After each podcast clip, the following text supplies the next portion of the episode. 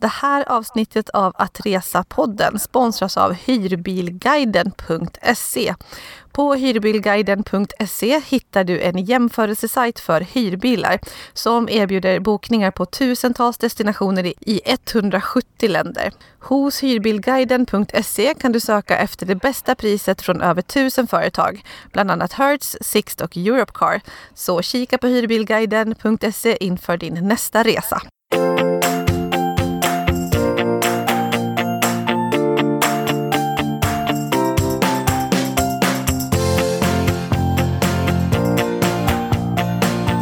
Det är dags för avsnitt nummer 79 av Att resa, podden om att uppleva världen.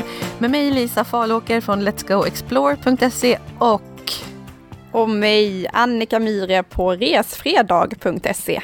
Vi har ju äntligen hamnat i samma land Annika. Du har kommit hem efter dina tre månader i Thailand på en time-out. Hur känns det att vara hemma? Ja, du, du frågar ju mig eh, i ett mess typ, men hur känns det på riktigt? Inte den polerade mm. sanningen, utan hur är det på riktigt? Och det är blandade känslor att komma hem. Jag tycker alltid att det är skönt med nystarter. Alltså jag får verkligen pepp av att känna att nu, ja men nu är det vår i Sverige, nu börjar liksom en ny härlig tid och vi lägger en superfin tid bakom oss. Men det är det, när vi landade så kom Nellys eksem tillbaka. Jag tycker att hon blev gnälligare. Det är mycket tjat om så här, spela Fortnite som jag har jättesvårt för. Alltså i Thailand hade vi inte de här diskussionerna. Det är som en liten bubbla och barnen är utomhus hela dagarna. De badar i poolen flera timmar. Vi är ute på stranden. Det här uterummet, alltså att man lever utomhus. Och här i Sverige är det som att vi bara ja, nu är vi inne. I och för sig så kommer våren nu, men det är, ja, det är lite tufft ändå. Ja. ja, jag förstår det, att det blir en eh, otrolig omställning verkligen. Men jag är glad att ha dig hemma. Däremot kan jag säga att det var inte jättemycket lättare att hitta utrymme för poddejt för det. Det har ju varit svårt när du har varit i Thailand och du har suttit där under din stora matta har du varit inlindad eh, utav när vi har poddat och du har varit i Thailand. Men det har varit svårt med tidsomställning med olika schema och båda våra barn, eller båda, alltså dina barn och mina barn är ju i samma ålder när det är så här otroligt mycket aktiviteter så helgerna är inte längre vad de en gång var, vad de var bara för några år sedan. Det är så svårt och nu har vi en tidig morgon och jag sitter i en bil och poddar. ja. Ja, jag tänkte också det att vi, vi har missat varandra helt i tidsomställningen i och med att vi, jag har legat sex timmar före hela tiden så våra konversationer har ju legat och dragit liksom. Vi har helt ja. gått om varandra men äh, vi, vi, nu, nu träffas vi nästan fysiskt ja. i alla fall. Det känns lite som att det är lite närmare. Lite närmare, ja. Men vi ska prata om en ganska nära destination idag. Inte nära som i Norden, men Skottland. Idag blir det fullt fokus på Skottland, ganska mycket på Edinburgh, men också väldigt mycket på skotska högländerna och allt som man har att uppleva och se i Skottland. Och inte minst att faktiskt resa runt mycket och gärna då med, med bil. Vi pratar ju om hyrbil och hur man tar sig runt och roadtrippar på Skottland, men kommer också prata lite grann om tågvägen och så. Skottland är ju någonting utav ditt alternativa hemmaland efter Sverige och kanske Thailand då. Men Skottland och du, det är, det är din bästa destination och du åker dit ofta. Berätta! Ja, så är det. Jag kommer alltid tänka att Skottland är absolut den favoritdestinationen som jag helst återvänder till och som jag känner att det finns så mycket mer att upptäcka för varje gång som jag är där så, så märker jag att det finns liksom fler platser som jag vill åka till. Jag har, inte, jag har sett mycket, jag har varit där många gånger. Jag har en stora syster som träffade en skotte för snart, ja vad är det, hon har bott där i 17 år nu och hon är den som är närmast mig i ålder av syrrorna så att vi har ju varit, eh, ja men vi är tajta, vi tycker om att umgås och jag tycker om att åka till henne och se vad hon har att erbjuda av sitt land. Och så är det ju verkligen att har man en person som bor där och hon, hennes man då, hela hans familj har verkligen tagit upp vår familj och visar runt och eh, det är inte bara att det är ett otroligt vackert land, men det som jag fastnat för är vänligheten hos skottarna. De är så varma, så omtänksamma, ehm, inbjudande. Jag trivs och känner mig hemma i Skottland och det är ett land som jag kommer återkomma till så ofta som det finns eh, möjlighet. Det ska bli så kul att höra dig berätta mer om det. Men lite praktisk eh, fakta tänker jag. Skottland, det ligger alltså norr om England. Dess fastland upptar en tredjedel av Storbritanniens yta, om man tänker Storbritannien som ö då. Ön Irland ligger bara 30 kilometer från Skottland på den västra sidan. De är separerade av Nordkanalen. Den enda landgränsen som Skottland har är mot England och åt öst så är det Atlanten som slår in och omger Skottland och mot östkusten finns Nordsjön. Den högsta punkten är Ben Nevis och landets längsta flod är Tayfloden. Och man kan säga att fastlandet eh, har två olika stycken med olika landskapsformer. Man pratar om höglandet i norr och väst och man pratar om låglandet i söder och öst. Och det är i höglandet som man har landet som är bergig yta med bland annat den toppen då den högsta Ben Nevis ligger. Och eh, det plattare låglandet är däremot det som är hem för den största delen av befolkningen i landet. Och förutom fastlandet så omfattas Skottland av över 790 öar. Och de inkluderar till exempel Orkneyöarna, Shetlandsöarna och Hebriderna.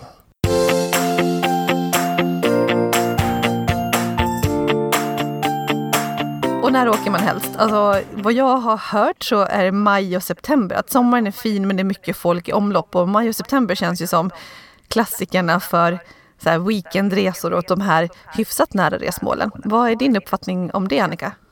Ja men det är de Eh, månaderna som det brukar tipsas om av skottarna själva, eh, som de tycker är härligast att vistas i landet. Och sen ska man veta det att det är väldigt nyckfullt vädret i Skottland och så är det. Det ligger ju så till rent eh, geografiskt att det, det är kallt ibland, det regnar ibland, sen blir det sol och sen så blir det kallt. Alltså, det är många årstider som, som drar förbi på en dag.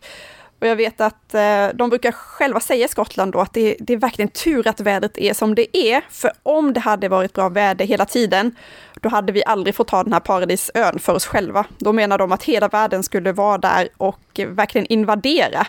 För hur den är så tycker jag att Skottland fortfarande är ganska Alltså det är ganska behagligt turistmässigt. Det är, eh, det är många turister som åker dit, men inte alls i de eh, massorna som man kan uppleva på andra ställen av världen. Och eh, allra minst uppe i höglandet då. Om man åker upp dit så kan du stundtals vara helt själv under långa sträckor. Och sen de allra, allra flesta flockas ju såklart i Edinburgh.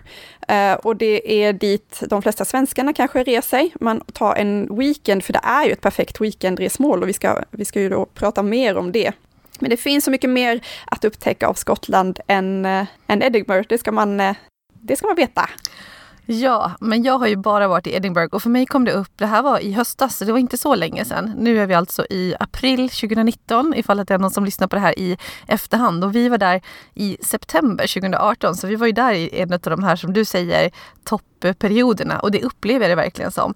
Edinburgh var så vackert med sina höstfärger. Det var som att vi hade prickat in, alltså du vet toppen av hösten när färgerna är som mest sprakande och det ändå är inte så kallt men det börjar bli kyligt och den här krispiga luften som man tycker om. Och det var inte, det var inte så mycket folk och ja, men det var så otroligt himla härligt. Och anledningen var att eh, min pappa fyllde år. Då gav vi honom i present att åka dit. Det var min brorsa som sålde in det. Han har varit där flera gånger och han sa att men, det är en så underbar stad.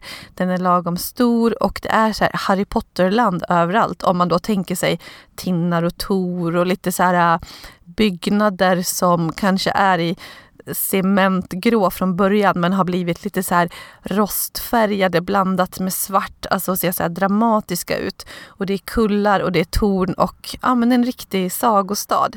Och jag kan bara hålla med om det. När jag var där så kände jag att det känns nästan som att det är stageat. Att man går in som i en kuliss man tänker lite grann att det är klart att om jag tittar åt något håll så kommer jag se de här fina typiska byggnaderna men det kommer ju vara så mycket blandat med allt annat så att det är klart att man kommer kunna fota ett slott åt ett visst håll. Men istället så går man in och är 360 grader i den här världen som är de här tinnarna, tornen, dramatiska byggnaderna. Det är så fint och ändå är det lugnt med stora vägar och en del mindre med eh, de här väldigt typiska engelska husen som ligger längs med sluttningar ner som är så här radhusaktiga, ganska smala, kanske tre våningar höga och desto djupare och i lite olika färger. Så att de ligger som små, ja men du vet, sockerbitar på rad nästan. Väldigt fint. Och sen hade vi då tre barn med, mellan två och tio. Och det var jag och min man och det var mina föräldrar. Och det var en perfekt generationsdestination skulle jag säga. Ja, och vi avlöste faktiskt nästan varandra där. Vi var där under samma månad. Jag kom ju dit eh, några veckor innan dig och spenderade några dagar i Edinburgh, eller en var det egentligen bara, ett dygn och sen åkte jag vidare till min syster, hon bor i Dundee och sen roadtrippade eh, vi uppåt eh, norrut i landet. Så vi var nästan där samtidigt och september är ju superhärligt att vara där. Så är det. Ja. Vi flög till Edinburgh direkt med eh, flyg. Det var SAS som vi åkte med. Det tog 2.15 själva flyget så det här är inte särskilt långt borta. Men Edinburgh, om man ska prata några av höjdpunkterna med Edinburgh förutom den allmänna känslan i stan och som jag bara kan tillägga, jag som är lite foodie, att det fanns ju så mycket härliga restauranger och pubbar och eh, ja, man kan åka dit bara för att ha en, en stor matscen faktiskt. Det är de skotska traditionella rätterna pubbarna och restaurangerna blandat med massa moderna influenser. Så det finns otroligt mycket bra mat och eh, ja, allt från, även frukost gick vi ut på grymma kaféer och käkade väldigt så här parisisk influerad frukost. Alltså det finns verkligen allt. Men förutom det, om vi ska prata höjdpunkter, eh, har du någon favorit i Edinburgh, Annika? Ja, men eh, jag gillar ju National Museum of Scotland. Ett av museerna där som är, ja men det är nog det bästa museet som jag har varit i. Väldigt barnvänligt och väldigt härligt. Men slottet, alltså Edinburgh slott som ligger uppe på en stor höjd och liksom bara blickar ner och som att det övervakar hela stan. Eh, det är otroligt mycket folk där men jag tycker om vyn av eh, slottet som vakar över staden. Ja, för det är verkligen så att vart man än går i Edinburgh så ser man slottet på sin kulle ovanför stan. Det är väldigt, väldigt mäktigt. Och sen kan man också gå upp dit då och ha väldigt fin utsikt över hela stan. Och att gå in på Edinburgh Castle är en riktig klassiker. Jag hade läst innan att det är så mycket folk, det kan vara otroligt långa köer och nästan hysteriskt knappt värt det. Mitt tips är att gå dit antingen direkt vid öppning eller sent på eftermiddagen. Och vi gjorde det. Vi siktade in oss på att vara där när de öppnade och jag vill minnas att det var runt halv tio tiden på förmiddagen, kanske tio. Och då var det inte alls särskilt mycket folk utan vi gick direkt in till biljettkassorna, vi gick direkt in på själva slottsområdet. Så att eh, det är väl ett tips som jag kan passa vidare, att komma inte mitt, i, mitt på dagen så. Eh, men kommer man in på Edinburgh Castle så är det inte bara att man går in i liksom ett slott eller borg utan det är här ett stort område med massor med olika små museum, små rum, små hus. Du har bland annat Skottlands äldsta byggnad här. Du har några kapell eller kyrkor som är precis hur fina som helst. En massa, massa stora kanoner som såklart är jättefascinerande för barnen också att klättra på och se de här stora cementstyckena. Eh, det är fängelsehålor nere i källare. Jättehäftigt faktiskt de har byggt upp hur det såg ut på den tiden, eller ja, kanske inte exakt alltid, men du vet, men så här, det känns nästan som att komma in ner i en båtruff med så här, hängmattor som hänger längs med eh, tak och väggar och någon liten eldstad och som man har byggt upp liksom själva miljön. Det här tyckte barnen var jättespännande. Och jag också. Och vi var inne och kollade på kronjuvelerna. Det är ofta lång kö. Det var det till och med då på förmiddagen. Kanske inte riktigt värt kan jag tycka, men det beror väl på vad man har för förläggning för olika historiska ja, samlingar eller vad man ska säga. Men det var väldigt spännande i alla fall och en massa olika små museum och vi spenderade ganska många timmar där och med barnen också då som tyckte att det här var jättespännande. Vi hade också med Meja och i barnvagn och det gick väldigt bra att ta sig fram även med barnvagn. Så det här skulle jag säga att det är en hit för både barn och vuxna. Jag tyckte verkligen att det var bra på Edinburgh Castle. Vet du, jag har aldrig varit inne. Jag har varit inne i många slott i Skottland, men inte Edinburgh, för jag tycker alltid att det är, för mycket folk. Men då skulle jag ju eh, lyssnat på dig och ja. gå dit tidigt. ja, precis. Men sen är det klart, om det är hysteriskt, då vet jag inte. Är det värt det? Om man bara går in och det känns eh, ja, väldigt fullt. Men jag tyckte att det var, jag tyckte det var jättebra. Sen sa ju du National Museum of Scotland och det håller jag med om. Man kan prata lite museum generellt i eh, Edinburgh faktiskt och framförallt med barn för det finns väldigt många. Och Nationalmuseet då, det består av en enorm byggnad, många våningar, jättestor yta. Det är gratis att gå in vilket är helt fascinerande och jättebra i sig. Eh, men det är som att du har stoppat in Tekniska museet, eh, his, av, ah, vad heter de? Naturhistoriska museet och en massa i samma byggnad så att olika delar har olika inriktning. Vi hann ju inte med, alltså, vi hann med en femtedel om ens det och då var barnen jätte, jättenöjda. Vi var på det som var som motsvarande naturhistoriska och vi spenderade mycket tid på motsvarande tekniska med uppfinningar och så vidare. Och sen så var vi nöjda med det, men det är jätte, jättestort. Så att dit ska man absolut ta en, en tur skulle jag säga. Mm, det är mycket interaktivt så barnen får vara med och testa och prova sig fram. Och eh, det är också ett otroligt vackert museum, alltså inuti. Eh, det är ju så fotovänligt, det är många som går dit och instagrammar. Det eh, är som en, eh, en jättestor sal som är superhögt i tak och så är det liksom öppet hela vägen upp och så är museet uppbyggt på våningar runt, om man säger. Så det är helt öppet i mitten. Ljust och fint. Precis. Och såklart mycket om Skottlands historia också om man vill djupdyka i den. Sen finns det ett som vi inte hann till men som lät väldigt häftigt tycker jag. World of Illusions med en massa optiska illusioner. Jag tror att det är ett ganska nytt museum som ligger nära slottet eh, men som har svävat upp till en väldigt populär sevärdhet i eh, Edinburgh. Sen har du hört talas om Real Marys Kings Close? Nej. Nej. Close är ju så gränder. Alla gränder i Edinburgh hette så. Och Real Marys eh, Kings Close, det är så här Real Marys eh, gränd kan man säga. Och då är det här en hel stadsdel från, nu kommer jag inte riktigt ihåg så jag kanske ljuger, men för att inte ljuga så säger jag en massa hundra år tillbaka i tiden. Och den här stadsdelen har blivit överbyggd, liksom ganska många delar i Edinburgh. Så vad som händer är att du går in på det här museet och sen åker du ner liksom i underjorden och då kommer du till den här gamla stadsdelen som då ser ut som den gjorde på säg 1600-talet kanske, 1700 möjligtvis. Så det är som små rum som är de små husen, det är hur det såg ut i gränderna, hur man hängde eh, tvätten ute. Ja, men det är som att gå in i ett överbyggt Gamla stan fast ännu mer trångt. Och det här var någonting som jag verkligen såg fram emot när jag skulle till Edinburgh. Jag hade läst om det och känt att det här ska jag göra, jag och barnen. De stora då, Stella och Max som var sju och tio då. Jag tänkte det här blir kul, det ska vi göra tillsammans och jag såg så mycket fram emot det. Och så kommer vi in där, man bokar tid på förhand för att man går in på en viss tid och får en guidning runt. Och vi kommer ner och guiden är ju jätteentusiastisk och pratar väldigt ingående med sin skotska dialekt om det ena och det tredje. Och jag försökte översätta och hänga med. Det var ganska svårt ska jag säga, men jag försökte i alla fall förklara för barnen med inlevelse om, ja men det var alltifrån hur de uträttar sina behov i någon hink och kastar ut genom fönstret och det var om sjukdomar och pest och sådär. Vi hade bara gått i kanske tio minuter, en kvart och då blev min äldsta dotter så illamående. Helt vit i ansiktet och vet att mamma jag måste kräkas. jag bara va nu? Eh, så vi fick liksom gå undan till något hörn och de fick ta någon walkie-talkie och ropa på någon som fick komma ner och hämta oss. Så att vi gick miste om den här eh, touren då. Men vad som hände var att hon föreställde sig det här livet så intensivt. Hon föreställde sig dofterna och jag berättade uppenbarligen lite för mycket med inlevelse. Så hon blev illamående och eh, vi fick avbryta. Men eh, ja. Oj, det var verkligen, eh, verkligen leva sig in i historien. Ja, exakt, vilket är så coolt med barn tio år var hon då och tyckte liksom att det, hon kunde verkligen föreställa sig det mer än vad jag kunde. Så Real Marys Kings Close. Kul.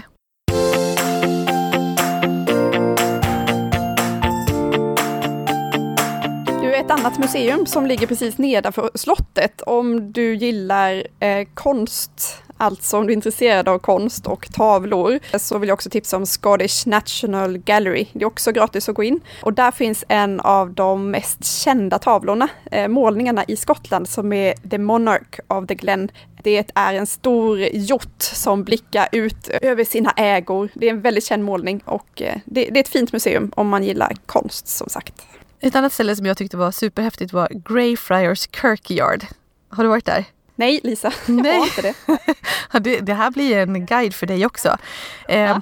Det finns en hund som heter Greyfriars Bobby. Det finns en myt om den här lilla hunden att eh, hans husse dog. De hade levt sida vid sida hela livet. Och när hussen dog och blev begravd på den här kyrkogården då, som heter Greyfriars så ställde sig hunden och vaktade utanför sin husses grav. Och han stod där dag ut och dag in i många, många år tills han dog själv. Så nu finns det en staty av den här lilla hunden utanför och eh, man ska gå fram och så ska man klappa på nosen. Det är något magiskt med den där nosen, jag kommer inte ihåg. Eh, och sig är väl inget speciellt men sen finns det en sån här riktigt charmig skotsk pub som heter samma sak. Men kyrkogården, Dels sägs det att det spökar så att man kan gå till den här graven och lägga blommor och kvistar. Vilket ju barnen tyckte var jättekul. Och så försvinner det varje natt. Magiskt va? Mm, oj, vad Men- magiskt. Ja, men kyrkogården i sig är så himla häftig.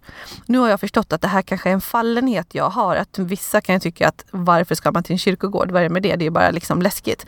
Men det här är återigen de här dramatiska, liksom stora stenblocken med gravar som är, alltså de är, de är riktigt stora. Det är mer som väggar, som stora murar. Och som har blivit så här svarta, missfärgade och, och sen är de inramade utav de här äh, Edinburgh-husen med tinnar och torn och allt vad det är. Och det är en så otroligt häftig miljö. Så där, alltså om Nationalmuseet i sin vackerhet är Instagramvärdigt så jag som tycker lite mer om sådana här äh, wow-ställen. Jag tyckte att jag skulle kunna instagramma järnet från Greyfriars Kirkyard. Supercool. Nej, men det är väldigt mycket Harry Potter-känsla också vid den här kyrkogården. Och det finns också en massa myter om att personer i Harry Potter-böckerna ligger begravda på den här kyrkogården. Och att på vissa av de här gravstenarna så kan det stå namn som de är så här, det här namnet är ju ungefär det här namnet som används i Harry Potter-boken. De har fått sin inspiration från det här och det här. Och om det är sant eller inte, det Ah, alltså jag vet inte. Men det är mycket Harry Potter-fokus i Edinburgh och det finns en eh, Harry Potter-trail man kan gå på, en guidad visning med Harry Potter-fokus. Och den utspelar sig väldigt mycket också på den här kyrkogården. Så går man på den Harry Potter-trail eh, visningen så är man väldigt mycket på kyrkogården och tittar på olika liksom, gravstenar och miljöer och så. Du, det, det är så kul att du nämner det här om kyrkogården, för jag vet ett, ett gammalt, gammalt inlägg som jag skrev för länge sedan om just Skottland, så, så skriver jag om en av anledningarna till att jag eller en av favoritsysslorna i Skottland, och det låter ju väldigt mobilt, men det är så fina kyrkogårdar. Eh, fina är väl fel ord, men mäktiga och Mm. häftiga. Och det är en av de grejerna som jag gillar att göra när jag är ute och promenerar med Nellyvagnen där borta, att jag, jag tar mig till kyrkogårdarna för att gå runt där. Det är en väldigt speciell känsla. Jag vet inte vad det är, men kul att du plockar upp det just Ja, eh, ja också. Men, men vad kul, då är det inte bara för just Edinburgh och eh, Greyfriars Bobby då, utan generellt. Men Ja. om man då fortsätter på det här Harry Potter-temat så var ju det någonting som jag och framförallt barnen tyckte var jättekul. Det är ju inte så att man har museum på samma sätt som i i London till exempel. Men man kan gå på den här Harry Potter-visningen som är en gratisvisning. Man samlas vid den här Greyfriars Bobby. När vi var där var det varje dag klockan två. Eh, det är gratis att gå med men man förväntas donera så mycket som man tycker att det var värt i efterhand. Då. Så att, men det kan ju vara noll om man tycker det. Så jättekul och då går man runt och kollar på miljöer. Det sägs ju också att Eh, författarinnan satt och skrev Harry Potter just när hon bodde i Edinburgh. Eller det gjorde hon.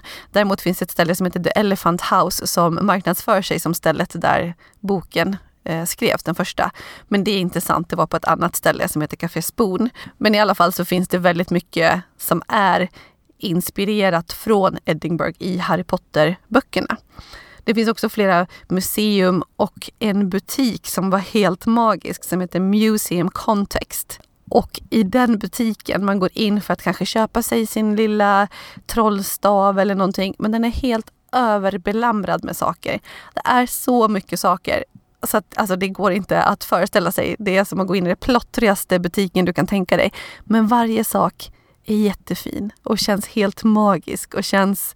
Alltså det är så coolt. Jag älskade den där butiken och du vet, det hänger jordglobar i taket och det är alla möjliga olika sorters trollstavar och det är gosedjursugglor eh, som du kan sätta fast på armen och det är magiska pennor och det är ah, så läcker. Och det låter väldigt dyrt att gå in där med barn ja. som är åtta och tio år. ja, det var det.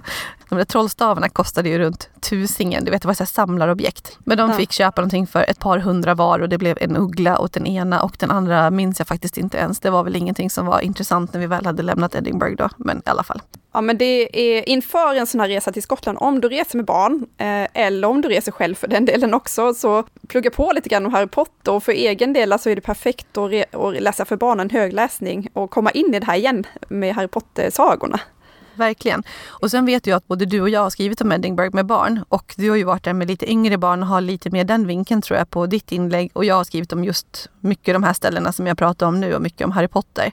Så kolla in på resfredag.se och letsgoexplore.se och leta upp Skottland och Edinburgh där så finns det massa tips om staden.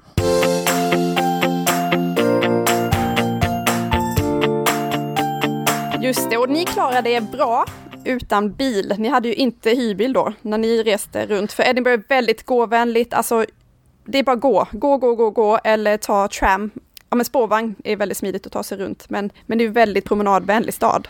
Ja, vi promenerade överallt och eh, jag var ute och joggade också på morgonen. Jättehärlig stad att eh, springturista i. Sen kan man också gå upp till ett litet berg som heter Arthurs Seat som ger fantastiskt fin utsikt. Så det är också ett annat tips.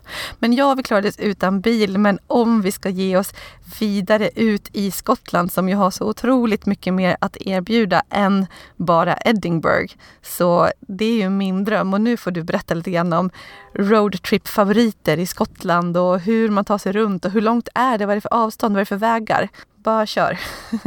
Ja, men för mig så är Skottland ett ultimat roadtrip-land. Det är väldigt eh, bra att ha en bil för att ta sig runt. Vi har alltid det när vi är där, just för att vara flexibla och kunna stanna precis där vi vill och sen kunna ta oss ut till de lite mer otillgängliga platserna, alltså upp i högländerna till de högsta topparna och de djupaste dalarna tänkte jag säga. Det är inte så mycket djupa dalar. Det är vänstertrafik i Skottland, eh, får man tänka på så att man är van. Vägarna är stundtals riktigt, riktigt slingriga och jag skulle säga att om, om du kollar på en karta och tror att du ska ta dig på en sträcka eller kolla på GPSen så, så blir man alltid lurad för det tar mycket längre tid att ta sig fram än vad man tror. Eh, det, avstånden ser ut att inte vara så långa men det tar längre tid om du tar dig ut till de lite mer eh, ja, men otillgängliga miljöerna. Men, men jag vill bara sticka in en sak där om vänstertrafik för det här känns ju ofta lite småläskigt på förhand och kan man köra i det och sådär. Men jag vill hävda att man kommer in i det väldigt snabbt mitt bästa tips för det är ju att man ser till att man har den andra som sitter framme, sitter och hjälper till och påminner vid korsningar att titta nu åt det här hållet först, nu är det vänstertrafik. Men annars så kommer man in i det ganska snabbt så jag tycker inte att man ska vara rädd för att köra bara för att det är vänstertrafik. Nej, så är det. De som, jag faktiskt inte kör själv, men Tobias säger att det, han, det tar en liten, liten stund så är han inne i det. Och eh, vi får ju plocka upp vår sponsor här igen då, hyrbilguiden.se. Ska du ta dig runt på de här ställena så, så är det ett bra tips att kolla in hyrbilguiden.se för att jämföra priser. Det kan vara lurigt alltid att veta vilken hyrbil man ska välja, varför man ska välja den, men det är, eh, det är smidigt att gå in där och kolla på den sajten för att eh, hitta rätt i hyrbilsdjungeln.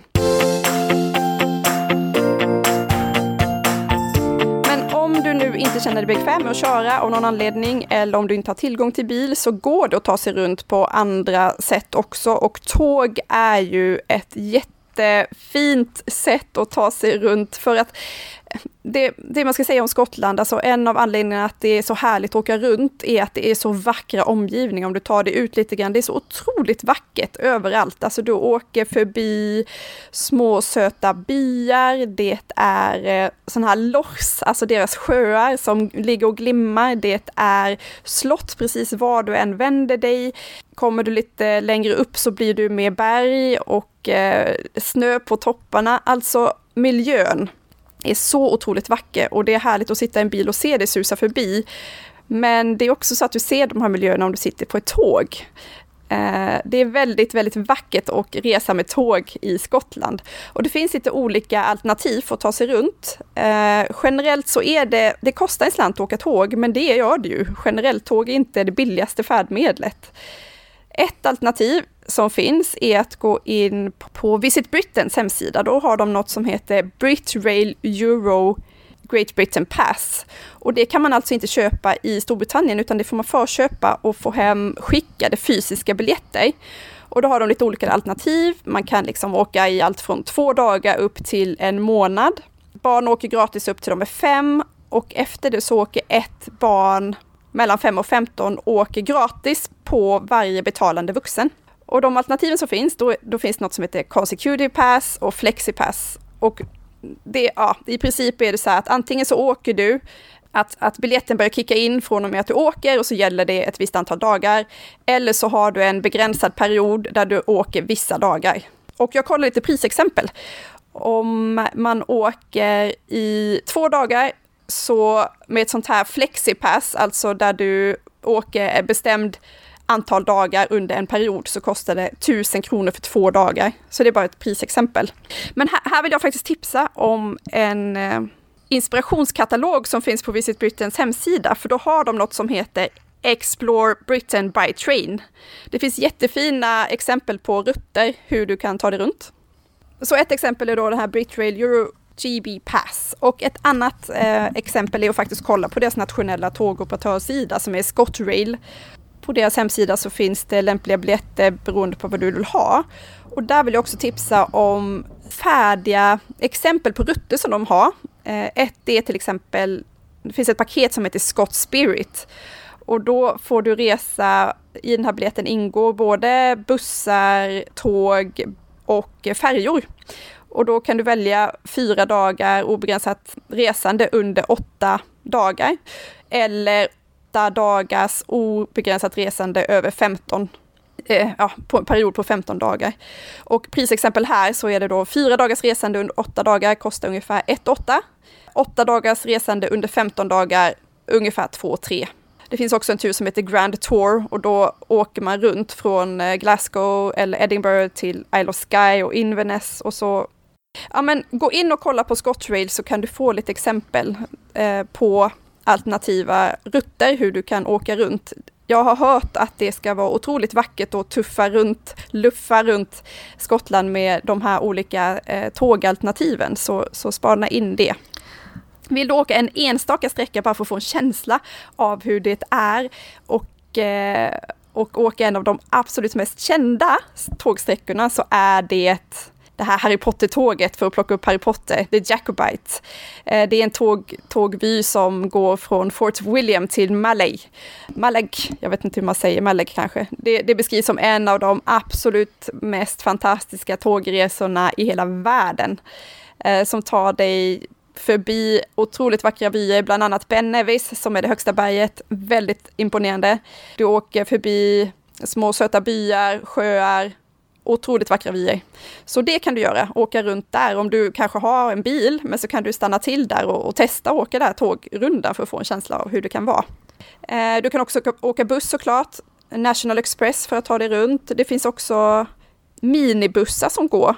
Eh, jag vet att det finns en operatör som heter Robbis som är en av de mest kända som anordnar färdiga turer. Och då utgår man då från Edinburgh, Glasgow och så kan du välja då på endagsturer eller flerdagsturer och så kan man åka runt till, till flera av de här absolut mest kända och härliga vyerna. Så det är också ett bra alternativ, minibuss. Så det finns alternativ, många, eh, för att ta dig runt beroende på vad du själv känner att du ja, men, känner dig bekväm med. Så jäkla härligt det är att podda och själv sitta och lyssna på sin poddkompis och bara få så här sug i magen och tänka att det där vill jag göra också. Jag har ju redan tänkt länge att jag vill se mer av Skottland men det här Wow, ja det låter underbart. Men du, fast sen är det ju också så, med bil, med bil blir man ju lite mer eh, flexibel, man kan ta saker i sin egen takt, man kan åka från vilket ställe man vill och man kan lätt ta sig från en bykärna ut till någonting som faktiskt ligger lite mer otillgängligt. För det är väl lite så, inbillar jag mig i alla fall, att om man säger de här mäktiga slotten till exempel, då ligger de kanske inte riktigt mitt i en stad eller by. Man ser ju Nej. de här dramatiska mm. klippkanterna kanske. Det jag tänker nu då att östkusten där Atlanten slår in och det är så här drama och längst uppe där ligger ett sånt här mäktigt slott. Ja, för, för vår del så är det ju, eller för min personliga del så är det så härligt att kunna eh, kombinera ett besök på ett slott samma dag med att åka upp till någon otillgänglig bergsgrej och sen vidare för att käka lunch på någon pub och sen tillbaka. Alltså, mm. jag, jag älskar det och kunna bara åka runt själv. Mm. Eh, jag vill absolut åka tåg också, men för, för min del så är det roadtrippandet som har varit, ja men som, som jag älskar. Ja. Så är det. Ja. Och, och, och slotten, du vet, ja. det finns så, så, så, så många otroligt fina slott i Skottland. Och några tips som jag vill ge, som är mina personliga favoriter, ett av de absolut häftigaste slottsupplevelserna som jag har haft, det är Eileen Donnan Castle. Och det ligger alltså precis på, eh, precis vid inloppet av en loch, Loch Duish, eh, som ligger strax innan bron över, över till den kända ön Isle of Skye.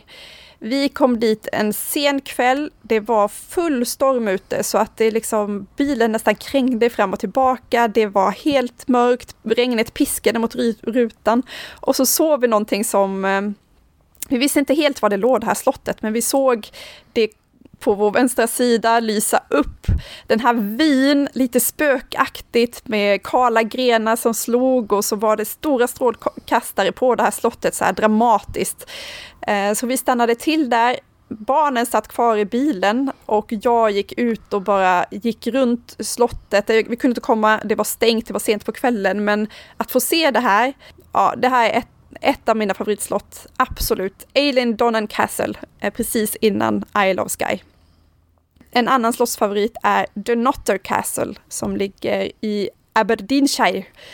Och jag vet att det här slottet har en, eh, en slogan som är Where Legends Come to Life. Och det finns så mycket historia kring det här slottet. Och det som gör det här slottet så unikt är att det ligger verkligen det ligger liksom på en klippavsats mitt ute i havet. Det ligger helt enskilt, du får ta dig dit via en, ja men det är en gång som går ner så här. Men det ligger som skapat för att det skulle vara otillgängligt och att man inte skulle kunna ta sig dit. Och är det något slott som du faktiskt ska lägga krut på att betala inträde för och besöka på riktigt så är det The Notter. Det finns de här kronjuvelerna som du pratade om som finns nu i slottet i Edinburgh. De har eh, varit där och valsat runt också i det här slottet. Så det, ja, det ligger närmare eh, Edinburgh. Det andra jag pratade om, Eileen Donald Castle, ligger på helt andra sidan eh, landet. Och eh, det finns ett annat som heter Craigiver Castle som sägs ha inspirerat självaste Walt Disneys Törnrosa slott. Det är alltså ett typ ett marsipanliknande så här rosafärgat slott. Det finns små, det finns stora slott, det finns gråa, det finns rosa, alltså det finns allt du kan tänka dig. Det är bara att googla loss och hitta din, eh, din personliga slottsfavorit. Många av de här slotten har ju jättefina trädgårdar som du kan runt och spatsera i och fina omgivningar. Jag lägger de här tre slotten på min, eh, överst på min lista. Det låter väldigt, väldigt, väldigt väl värt att besöka dem. Ja, men, men jag vet att eh, om man nu inte gillar slott, eh, om man vill ha lite mer strandkänsla. Jag vet att det är inte många som förknippar Skottland med vackra, vita, härliga stränder. Det är inte det första du förknippar Skottland med, utan då är det whisky, det är kiltar, det är eh, dramatiska vyer och slott. Men det finns jätte, jättefina stränder i Skottland också. Eh, och en av dem som vi besökte nu i höstas är Lossiemouth, som eh, är en av Skottlands absolut vackraste stränder. Det är en strand som heter East Beach där och jag skulle säga att hade inte jag vetat, hade inte jag känt temperaturerna, det är ju betydligt eh, kallare än i Thailand, men jag fick en sån flashback tillbaka till de exotiska omgivningarna i Thailand. Jättehärlig, fin, vit sandstrand som är superpopulärt för surfare. Och här kan man också spana på flaskdosdelfiner. Så Lossy Mouth är ett tips om du gillar stränder. Ett annat strandtips är Lunan Bay Beach som ligger i Angus. Den här stranden, det som är lite speciellt är att det omges av eh, så här låga klippor, gräsbeklädda sanddyner. Det är väldigt häftiga omgivningar och tydligen så var det hit som några av våra egna vikingar kom back in the days och eh, tog sig fram på stranden. En strand till vill jag tipsa om och det är Spey som ligger i Moray. Och eh, det är en klappestensvariant som är väldigt häftig, eh, jätte, jättefin. Även här kan man då spana på, på delfiner. Och jag har skrivit mer om de här stränderna i min blogg. Det är svårt att, svårt att, att dra några detaljer, men mer än, att, mer än att ni i podden ska veta att det finns superfina alternativ och ta sig runt. Och det, det är inte så att man badar kanske under sommaren, absolut, men hit åker du för att eh, gå långa promenader, få känna vinden, spana på delfiner och ha en härlig utflykt. Men vet du vad jag tänker också? När du sa det här med surfare, för att det är ändå så att det är, det är ju ganska, ganska blåsigt eh, på Skottland och vi pratar lite grann om det utsatta vädret och lite så. Men förstå vad coolt, alltså surfare, de vill ju ofta vara lite coola. Det ska vara coola kläder, de är hardcore, bla bla bla. Även i Sverige finns ju en trend i det där. Alltså att surfarna, det är klart att det är mycket så här, åka till Bali och surfa eller kanske till Frankrike, deras liksom... Biarritz. Biarritz, exakt. Eh, och så.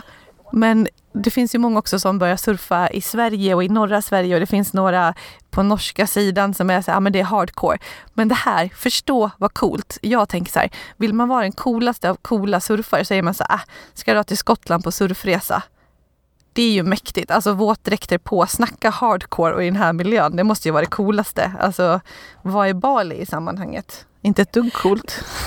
Nej, och faktum är att när vi var där vid Lossimouth så var det en gammal, tänk er så här, folka, gammal folkvagnsbuss värsta hippiebussen såg det ut som. Och så var det två killar, eh, två skotska killar, superhäftiga. Inte de här typiska, du vet, eh, med långt hår och tvättrutemagar som är de klassiska Bali-surfarna, utan de här var inbitna skottar, superglada, supertrevliga eh, som hade surflektioner för alla åldrar. När vi var där så var det verkligen barn upp till, ja jag vet inte hur gamla.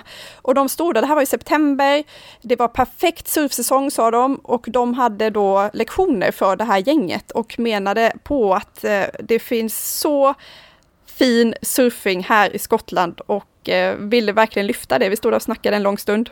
Ja. Så det finns, det finns möjlighet att ta, ta lektioner eh, om du är lite om, om dig och kring dig. Så ja, surfa i Skottland. Ja, Bra men tips. coolt. Det kanske är det vi får marknadsföra det här avsnittet med Skottland för surfare. ja, just det. nej.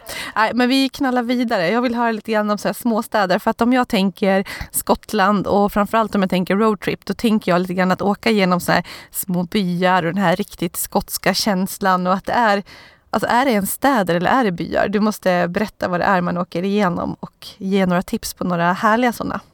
Ja men de allra, allra minsta byarna, de kommer du åka igenom överallt. Alltså det, de ser ungefär likadana ut, det är gamla stenhus. Jag vet att min, eh, min systers eh, eh, mansfamilj, de bor alltså i ett hus med så här strå tak, eller vad heter det, halmtak. Det där huset är flera, flera hundra år gammalt med tjocka stenväggar och har sån historia och hela byn består av sådana hus som har mm. sån historia på nacken alltså.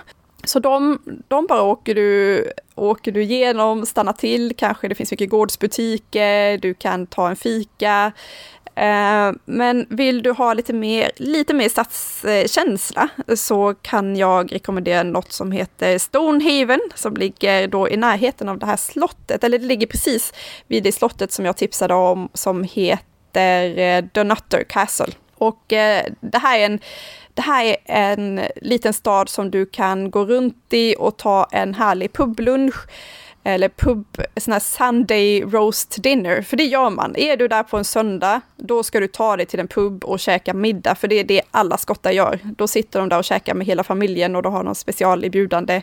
Jättegod mat, ofta på de här lokala pubarna. Stonehaven är verkligen vykortsvackert, det är en kuststad, så det är väldigt mycket fisk, eh, fokus på restaurangerna, det ligger nära havet, precis vid havet då, så du, om du går omkring så kan du gå om du går upp mot slottet, du kan ta och promenera hela vägen bort, så tar det ungefär en timme. Och så går du, eh, börjar du den här Stonehaven. Det är en jättehärlig eh, kuststad som jag kan rekommendera.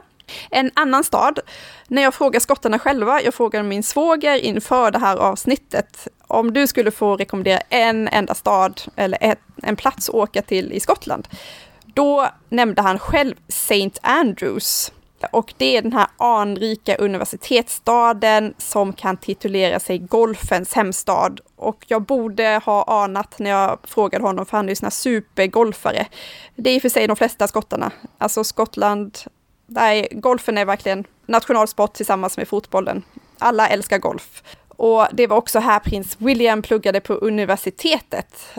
Så det, det är en jättehärlig stad, jättemysig. Jag säger bara jättehärlig, jättemysig, ja. jättefin. Superfin, fantastisk. Ja, men St. Andrews tycker jag man kan ta sig till och eh, spelar du golf så ska du också se till att det här är den mest anrika eh, golfbanan i hela världen skulle jag säga. Ja, och det här är ju en av eh, de tidiga anledningarna till att jag känner till och har tänkt på Skottland. Jag har inte liksom drömt om det själv förrän kanske senaste fem åren eller någonting. Men det är ju golfen. Jag spelar själv golf och hela min familj spelar golf och det har ju varit, St. Andrews är ju Alltså det är ju mytomspunnet. Däremot var det ju väldigt länge så att kvinnor inte fick spela St. Andrews. Hur ligger det till nu för tiden? Ja men det får de. Det, eller alltså jag utgår från det, för annars vore det katastrof. Jag, ja men vänta ja. här nu ska du få se. Um, jag kan tala om så här att, alltså du får gissa här nu. Vilket år tror du att St. Andrews började tillåta kvinnor som medlemmar? Jag vill ju säga så här 1842. Ja, exakt. Eh, 2014. Nej. Jo, men däremot har man fått spela lite tidigare. 2007 var det första gången som British Open gick på St. Andrews för, alltså Ja exakt, 2007 så avgjordes eh, damernas British Open på St. Andrews och det var första gången kvinnor ens fick komma in i klubbhuset. Oj, ja, det är jag, riktigt illa. Ja, jag vet. Det är så sjukt och det är ju en anledning också till att det har haft ännu mer liksom, snack om sig än bara ryktet kring att det är en fantastisk bana med ett amazing klubbhus och allting runt omkring. Men eh, vi får väl helt enkelt eh, bara vara glada att vi faktiskt nu har någonting annat. Och jag, ja, jag drömmer sjukt mycket om att spela på St. Andrews faktiskt. Det hade varit en sån jäkla cool bucket list-upplevelse. Det kommer inte räcka ja. med en vecka för mig i Skottland. Nej, och särskilt inte heller om du ska kombinera det här med att åka upp till högländerna. För håller du nere vid St. Andrews, vid havet, här vid Edinburgh, Dundee, där min syrra bor utanför Edinburgh. Men ska du, vill du åt de här riktigt häftiga vyerna, alltså det du tänker som är eh, ja, det närmaste vi har här, här i Sverige är väl eh, de norska, norska fjällkänslan. Då ska du ta dig upp till högländerna. Det är fortfarande, det känns som jag nämnde innan, väldigt öde fortfarande. Du kan åka stundtals och inte träffa på någon. Och du åker på de här slingriga vägarna genom de här bergen där Ben Nevis är den mest kända. Det är så fint där uppe. Och jag har en dröm om att åka ända upp, alltså till den absolut eh, mest norra delen av högländerna då. Där lär det vara superfint. Men du, ja. mm. Ben Nevis är högsta berget. Jag ja. Eh, fick lov att googla lite grann här och ser att det är 1344 meter högt och med det Storbritanniens högsta. Just det. Mm. Bara bra att veta. Och då gör jag min eviga benchmark mot Åreskutan som är 1420 typ. Så lite, ja. lite lägre än Åreskutan. Så det är inte några extremt maffiga toppar vad gäller höjden, men maffig miljö. Ja, och, och, när man åker dit, alltså, det är ju det att på var du än tittar så finns det de här små lochsen då, små, små sjöarna. Och åker du dit framåt hösten då blommar ju djungeln, det här lila som täcker hela landskapet. Så gillar du natur och gillar du att hajka så är högländerna ett bra tips. Jag skulle i och för sig säga att det går bra att hajka nästan överallt i Skottland och det är det de gör på helgerna.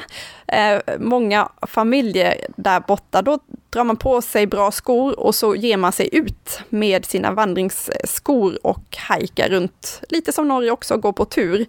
Eh, vi fick en fråga om just hajk hajker i Skottland, var man ska ta sig eh, för att uppleva de maffigaste hajkerna. Och det finns i dagsläget så finns det nästan 500 hajker runt om i Skottland. Ehm, 421 sådana här hiking trails och så finns det 49 långdistans hiking trails. Och eh, jag vet att det är jättesvårt att välja bara en. Jag skulle rekommendera att ni går in och kikar på en sida som heter Outdoor Active där det finns jättemånga bra tips på, på hajker runt om i landet. Det beror ju helt på vad du har för eh, men för vana själv att, eh, att hajka, hur långt du vill gå, har du barn med dig? Um, ja, Men gå in och kika, men generellt så är ju Skottland ett väldigt populärt land för att eh, gå, promenera, vandra.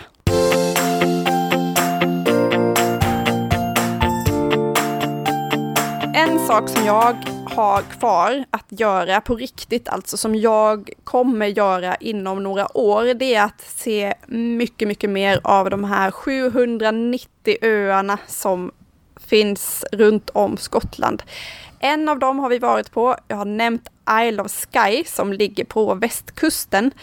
Eh, hit kom vi vi, vi var här i december och roadtrippade. Vi hade firat jul tillsammans med min syster. Eh, jag och Tobias och barnen hoppade in i en bil och roadtrippade själva och ville då ut till Isle of Skye. Eh, det var superdåligt väder, det ösregnade och var riktigt eh, ruskigt. Men vi tog ändå sikte på Isle of Skye och körde runt här. Eh, det regnade hela tiden, men trots det, alltså av det vi såg, så är det här en av de finaste öarna som jag har varit på. Det var riktigt smala vägar, vi körde liksom runt hela ön. Eh, rätt vad det var fick vi stanna för det kom typ eh, hundra får som sprang över vägen. Det var små byar, det var vattenfall. Alltså det här är så fint. Isle of Sky. och då är det en av de mer så här, ja ja, det är fint på Isle of Sky, men det finns ju mycket finare öar än det när vi har frågat runt. Och Isle of Skye tillhör en ögrupp som heter Hebriderna, det är den man brukar prata om, som i sin tur delas upp i yttre Hebriderna och inre Hebriderna. Av de inre Hebriderna så är Skye, Isle of Skye, en av de största. Eller det är den största. Men andra st större öar som man kan åka till här är Mall, och där finns det massa örnar. Jag vet att det är många som åker dit och kollar på guldörnar och havsörnar. Eh, det finns en liten stad som heter Tobermory där det finns en massa färgglada hus, det är hantverkare, det är konstgallerier. Det lär vara en, en härlig plats att vara på. Då, för att komma till de här ställena eh, så finns det lite olika alternativ. Vi åkte då till Isle of Skye går det en bro, men att åka till, eh, man kan också ta sig hit till de här öarna med färjor från fastlandet. Åker man till Mull till exempel så åker det färjor både från Edinburgh eller Glasgow faktiskt. Och pratar vi om yttre öarna, alltså yttre hybriderna, så de största öarna är Lewis och Harris. Det är egentligen en landmassa som utgör den största ön i Skottland. Man ser det ofta som två öar, men egentligen så är det en landmassa. Och här är väldigt vackert att vandra om man vill göra det. Eh, det är mycket kultur här, mycket gaelic, alltså skotsk gaelics kultur är väldigt starkt här om man vill, om man vill ha lite mer historia. Men jag vet att eh, av, av, det jag hört så är det många som har Harris som en absolut favorit att vandra, att det ska vara otroligt vackert. Så ja, Hebriderna är en ögrupp som man kan satsa på. För egen del så lockar Shetlandsöarna allra mest just nu. Har du koll på Shetlandsöarna? Nej men så dålig koll och det känns som att jag knappt har förknippat det med Skottland. Nej, jag, jag skrev ett, ett inlägg för ett, väldigt, väldigt nyligen om mina drömresemål just exakt nu och då ligger Shetlandsöarna med på den här listan. Ögruppen ligger på gränsen mellan Nordsjön och Atlanten. Och i själva verket så är det en skärgård som har över 100 öar, 15 av dem är bebodda. Och, och det ligger, som du säger, det ligger närmare Norge än Skottland. Och det var också en norsk provins fram till 1469. Just det, alltså det ligger, ja. om man säger, om man tänker sig Storbritanniens absolut nordligaste punkt och sen tar du sikte på Norges västkust, alltså typ Bergen. Du kan säga att det ligger mellan den nordligaste punkten och Bergen ungefär. Och tänker man Färöarna så ligger Färöarna liksom nordväst om Shetlandsöarna. Men det ligger utplottat där i, i havet. så Ja, ja men det, det, är så otillgängligt och vilt och dialekten är fortfarande väldigt präglad av, av norskan eftersom det finns mycket skandinaviskt inflytande här. Och för att komma hit så antingen så, så tar man flyg då från Edinburgh till Glasgow. Det tar ungefär en och en halv timme. Man kan också åka färja mellan Aberdeen och huvudstaden på ön som heter Lerwick. Sen har vi ytterligare en ögrupp, Orkneyöarna. Och här är också då en skärgård med 70 öar. Och här är det massa så här arke arkeologiskt intressant ska det vara. En massa fina sandstränder, klippor, hav. Jag känner inte till det, men det är väldigt, väldigt poppis bland klättrare vet jag. Okej. Okay. Mm. Och var ligger det Lisa? Du som har ja, geografin. Jag sitter här med kartan för att jag blir så fascinerad att jag tänker så här. För mig har det varit Skottland, ligger på ön Storbritannien typ. Eh, men Orkney, sa vi va? Det ligger, Ja, det ligger precis, det ligger liksom norr om den nordligaste punkten. Så man säger det blir lite söder om eh, Shetlandsöarna. Mycket närmare Skottlands eh, fastland. Precis som att det är liksom en liten förlängning ut mot Shetlandsöarna. Norr om nordöst nästan. Ja, för, för att dra en parallell, om det, om det tar 12 timmar till Shetlandsöarna med färja från Aberdeen så tar det 6 timmar med färjan från Aberdeen till Orkneyöarna. Så det är ungefär halvvägs kan man säga upp till, till eh, Shetland. Ja precis, men då ligger ju Aberdeen, det ligger långt norrut men det ligger inte på den absolut nord, nordligaste punkten utan det ligger liksom lite längre ner på östkusten. Så det är därför som det tar sex timmar dit och ytterligare tolv. Och hade man kunnat åkt från den nordligaste punkten då hade det kanske varit en halvtimme eller timme. Så pass nära ligger den ögruppen. Ja, var ska man börja du? Jag har Ja, ändå varit här ett tag, men jag verkligen. fattar om man, åker, om man ska åka hit en absolut nybörjare på Skottland som vill åka dit för första gången, då hade jag ändå rekommenderat att man åker till Edinburgh för att få en liten känsla. mm. Det, det är ett bra tips. Mm.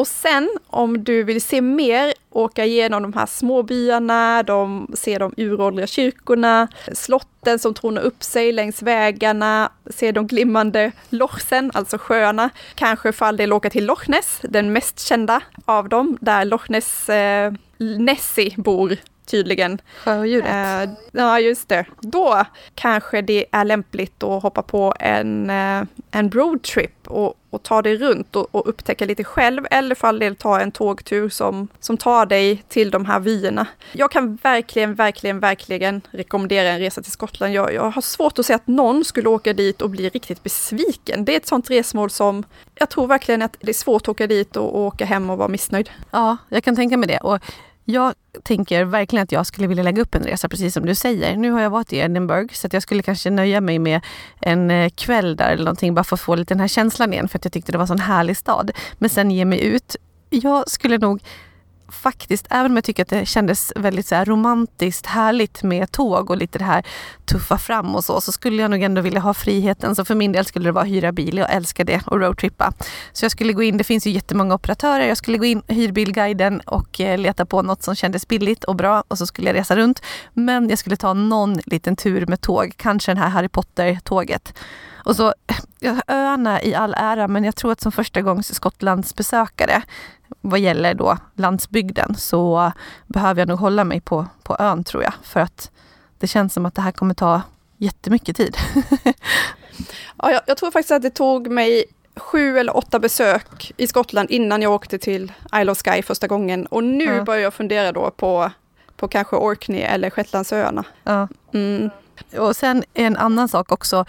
Det kommer ju vara linnigt väder. Man får ju inte åka dit för att man vill åka till stränderna och sola och bada.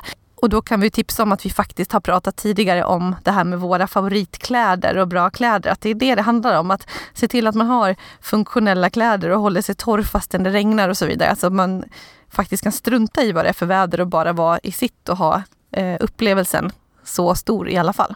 Ullunderstället är alltid med dit, Ja. kan jag säga. Exakt. Och avsnittet där vi pratade mer om det här med kläder och funktionskläder för, vad kallade vi det för nu då? Men inte Soft Adventure?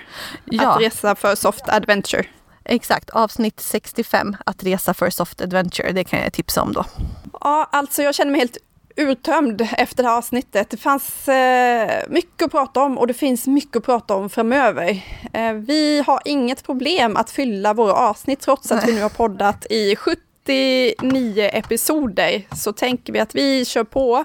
Och har ni några önskemål här eh, om vad vi ska prata om framöver eller gäster som vi ska bjuda in så hör av er till oss på hejatresapodden.se.